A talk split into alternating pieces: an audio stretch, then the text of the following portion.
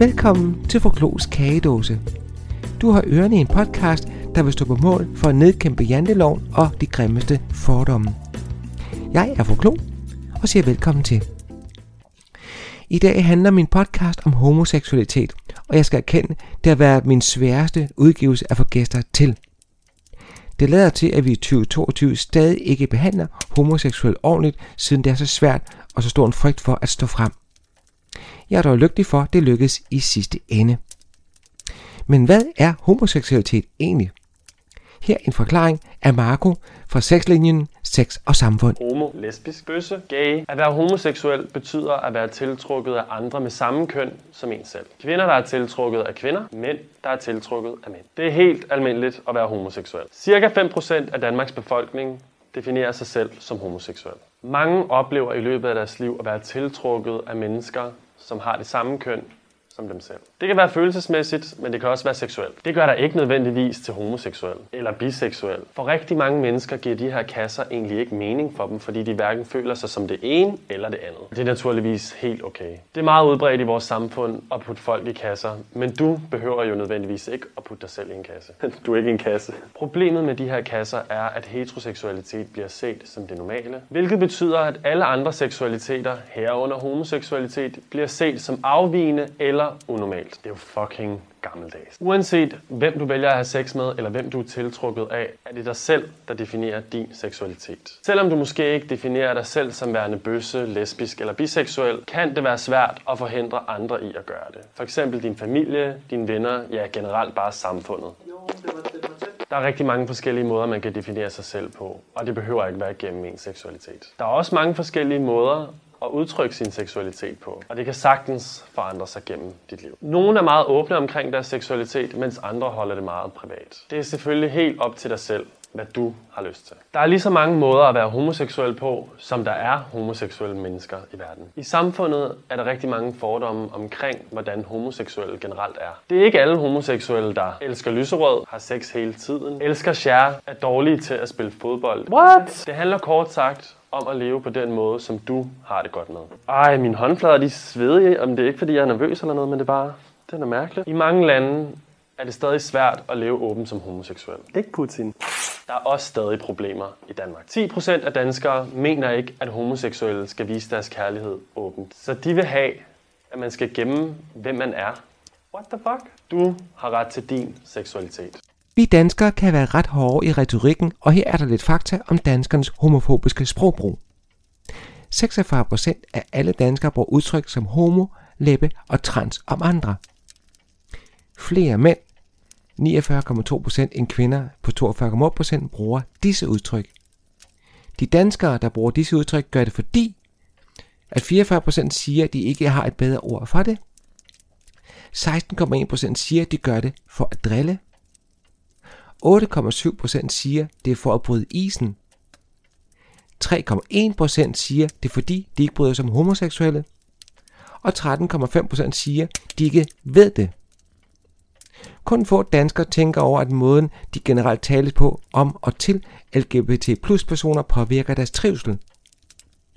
28,1% af de adspurgte mener, at måden, der generelt tales om homoseksuelle på, er dårlig eller meget dårlig for homoseksuels trivsel, mens 22,6% mener, at måden, der tales på, er god eller meget god for deres trivsel.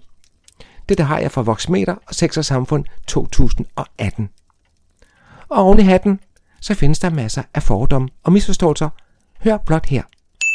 Hvorfor vælge at blive homoseksuel? Vil du ønske, du var født med et andet køn? Jeg har intet imod homoseksuelle, men hvorfor skilter I med jeres seksualitet? Homoseksuelle er ikke ordentlige forældre. I skal nu møde Sarah Flaup, der tænder på sit eget køn. Og Sarah, hvornår fandt du ud af, at du var til piger? Jeg fandt ud af, at jeg var til piger ret tidligt. Jeg vil faktisk sige, at jeg altid har vidst det sådan et eller andet sted. I hvert fald underbevidst har jeg altid vidst det. Jeg er slet ikke i tvivl om, at jeg i hvert fald er født sådan. Men altså, da det sådan virkelig sådan rigtig gik op for mig, femøren, den virkelig faldt, det var første gang, jeg ligesom fik det sagt højt ud til andre. Og det var, da jeg startede på efterskole øh, for første gang, som jeg er cirka 13-årig. Der var der en anden pige, som sagde, at hun var til piger, og der kom det bare helt naturligt for mig at sige med det samme, at det var jeg også. Og så var det ligesom det. Så var det sådan. Det var altså i teenageårene, at Sara fandt ud af ret tidligt, hun var tiltrukket af piger. Det kan være svært at få den slags nyheder frembragt over for sin familie, og jeg har spurgt, hvordan nyheden blev modtaget. Og i forhold til mine forældre med at komme ud til dem, det gjorde jeg ikke, fordi dem mistede jeg i meget tidlig alder. Men de var meget religiøse begge to, de var Jehovas vidner, så jeg er i hvert fald helt sikker på, at det ikke ville have været et hit ved dem. Men igen, jeg har ikke haft de store problemer, men det ved jeg, at der er rigtig mange andre, der har. Jeg kender folk og bliver ved med at høre om folk med pisse sørgelige spring ud historier. Øh, jeg synes, det, det, det burde fejres, men i stedet for, så er der mange, der mister familiemedlemmer og venner, nærmeste venner, der simpelthen vender dem ryggen til, og ikke vil have noget med dem at gøre, på grund af deres seksualitet, og det giver bare overhovedet ikke nogen mening. Det er jo stadigvæk den samme person, som de har holdt af hele tiden. Øh, Udover det, så skal man da bare have lov til at elske dem, man elsker, og hvem man har sex med, det kan man vel være rimelig ligeglad med. Men ja, det får bare mit hjerte til at bløde, og det er også en af grundene til, at jeg gerne vil være med i det her. Det er jo dejligt at høre, at der ingen problemer har været i forhold til at blive offentlig med sin seksualitet, og ikke være bange for at stå ved det. Men Sara, har du oplevet misforståelser i forhold til din seksualitet? Jeg kan ikke mindes, at jeg har oplevet nogle misforståelser øh, direkte. Øh, men igen, jeg har også været heldig. Altså, øh, en af de værste, mest grimme misforståelser omkring homoseksualitet, det er øh, i, i kristne, meget, meget kristne samfund, især over i mest over i USA, at der tror man simpelthen, at hvis man er homoseksuel, så er det fordi, man er besat af en dæmon. Man er simpelthen besat af en dæmon, og det er derfor, at man er homoseksuel. De mennesker der, de er jo totalt hjernevasket, men altså, de tror virkelig på det her. Så de vælger at få deres egne børn, hvis de er homoseksuelle, få dem øh, lave en eksorcisme på dem. Og det lyder som noget fra en gyserfilm, men altså det er fuldstændig det, de gør. De får simpelthen en præst til at komme, og så blandt andet skal personen øh, nævne fra en ende af alle personens øh, seksuelle gerninger og alle personer, og personen har været sammen med total ydmygende, og så derefter skal præsten så uddrive den her dæmon med kors og hvilesesvand og alt det her pjat.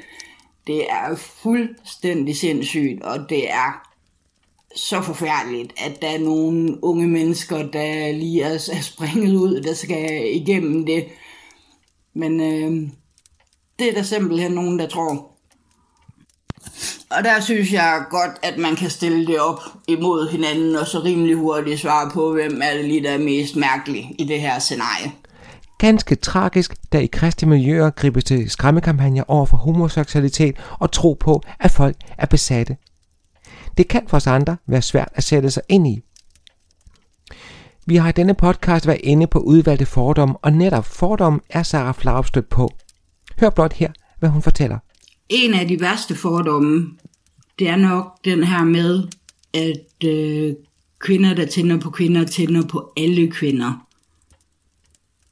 Øh, jeg kan huske i, i folkeskolen, da jeg gik i folkeskole, før jeg tog på efterskole og ligesom øh, fik sagt det åbent selv, at øh, der gik der rygter om, at en pige i min parallelklasse, hun skulle være lesbisk. Det er aldrig noget, hun selv har sagt, men det var altså noget, der gik rygter om. Og de andre piger, de for det første snakkede de grimt om hende, og for det andet så tog de bare afstand fra hende, og de havde simpelthen ikke lyst til at dele omklædningsrum med hende øh, til idræt øh, fordi de var bange for, åh nej, hvad hvis nu hun tænder på mig? altså, det, men det, det er jo fuldstændig galt, fordi selv hvis du er heteroseksuel, så tænder du jo ikke på alle. Sådan fungerer det jo bare ikke. Og så er det da bare pisse synd for hende, det gik ud over, altså. Men det er endnu værre for mænd, der er til mænd. Øh, Øh, især i forhold til heteroseksuelle mænd, de, de har, kan bedre acceptere lesbiske, end de kan acceptere bøsser.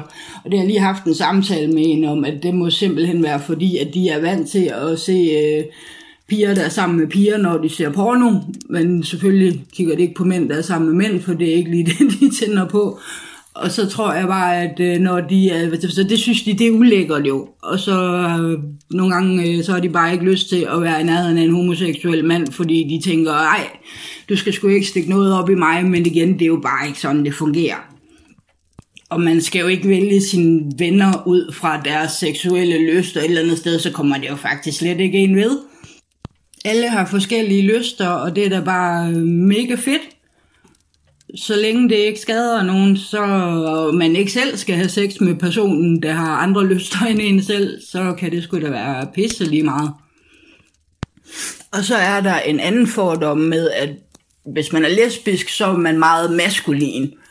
Og der er der også nogen, der er korthåret og måske lidt maskulin, har maskulin træk og går i drengetøj, men altså det er da bare mega fedt.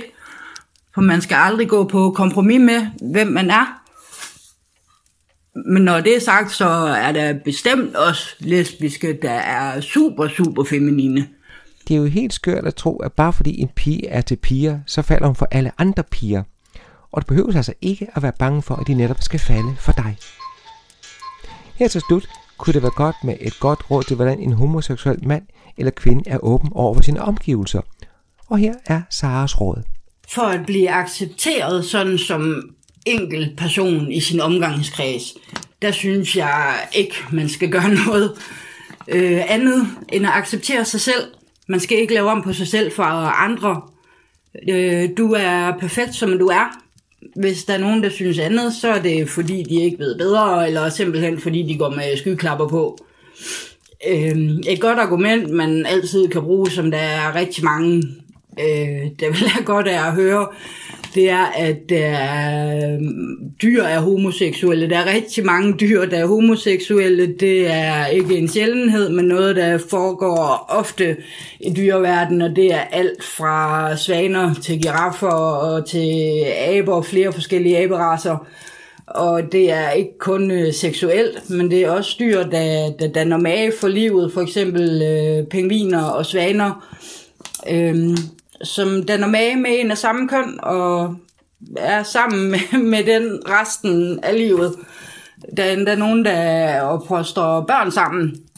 Øh, for eksempel øh, et svanepar. Der er rigtig mange øh, svanepar, der er homoseksuelle, og det er tit to hanner. Øh, og der øh, er der nogle gange, at øh, der så er en af hannerne, der par sig en enkelt gang med en hund, så hun får en unge, og så når ungen er født, så ja, han hunden væk, det er lidt voldsomt, men han tager så den her unge med tilbage til sin hansvane, mage, ægtefælde, og så opfostrer de øh, simpelthen barnet sammen. Så øh, det er meget, meget naturligt, og folk, der siger, at det er unaturligt, de skal finde et andet argument for ikke at acceptere det. Så er der selvfølgelig den generelle øh, accept, respekt og tolerance, og øh, det er en, en fælles kamp. Det er en kamp, som har været i gang i lang tid og i mange år. Og jeg synes også, vi er kommet langt. Vi er kommet rigtig langt. Der er selvfølgelig øh, stadigvæk nogen, der ja, har godt af at, at, at høre det gode budskab. Øhm, det vi skal blive ved med, det er simpelthen bare at sprede øh, et budskab om ligestilling og tolerance og selvfølgelig kærlighed. Mange LGBT plus personer påvirkes i den grad af måden, der tales om og til dem på. Derudover rammer fordom om køn og seksualitet alle mennesker, og det skal vi lave om på, siger nationalchef i Sex og Samfund, Lene Stavngård og fortsætter. Rigtig mange LGBT plus personer oplever at have en ungdom og senere et voksenliv præget af lavt selvværd, ensomhed, stress, depressioner og misbrug. Unge homoseksuelle, biseksuelle kæmper dobbelt så meget med selvmordstanker som heteroseksuelle og unge gør, ligesom de er fire gange så ofte forsøger at begå selvmord. Mange danskere tror, at der ikke findes homo- og transfobi i Danmark, men samtidig bruger mange danskere udtryk som bøsserøv eller betonlæbe til at mobbe eller at tale nedsættende om andre. Så hvordan omtaler du homoseksuelle? Inden kagedåsen smækkes helt i, skal I læse fra DR3-kanalen, som er homoseksuel muslim, og han har dette spørgsmål blandt mange. Hvad tænker du om mig, når jeg siger, at jeg er homoseksuel og muslim? Jeg hedder Leith, jeg er 28 år gammel, og så er jeg til dagligt læge i øh, psykiatrien. Du tænker måske, at det er svært at forene det at være homoseksuel og muslim. Der gik jo desværre ret mange år, før øh, jeg turde være ærlig omkring min, øh, min seksualitet. Jeg tror, jeg vidste allerede fra jeg var 10, 11, 12 år, og kunne sige det højt for mig selv. Men jeg vidste også bare, at det ville have rigtig store konsekvenser for mig, hvis det var, at jeg sagde det højt. Øhm, så det lod jeg være med, indtil det blev opdaget, da jeg var 23. Min familie havde set nogle beskeder fra nogle af dem, jeg havde sprunget ud for, og det var svært for dem at forstå. Du tænker nok, at min familie har slået hånden af mig, fordi jeg er bøsse. Det gjorde de også. Til at starte med. Og så var min mor meget ambivalent. Det ene sekund, så var det, jeg elsker dig, og du vil altid være min søn. Og det andet sekund var det, du kommer til at brænde op i helvede. Øh, og det var meget, det var meget svært at finde rundt i, og det var egentlig også, det kan godt være, at jeg griner af det nu, men det var virkelig hårdt. Det bedste ved at være sprunget ud, det er alt fra noget så simpelt som at kunne stå op med, med det, man elsker, til ikke at skulle holde ting hemmeligt mere, at jeg ikke behøver at finde på løgne. Jeg er virkelig, virkelig glad for, at jeg ikke behøver at lyve mere. I dag er det bare stille og roligt. Det, det er, som det skal være. Jeg kan bare være, være, være til. Jeg vil gerne takke Sara Flau for sin medvirkning i denne podcast. Der blev brugt kilder fra sexlinjen Sex og Samfund og voksmeter for Sex og Samfund. Har du spørgsmål eller idéer til Froklos kagedåse, kan du sende en mail til fruklopodcast snabel gmail.com Og husk på, vi er alle mennesker. Vi fortjener alt blive behandlet som mennesker. Tak fordi du lyttede med.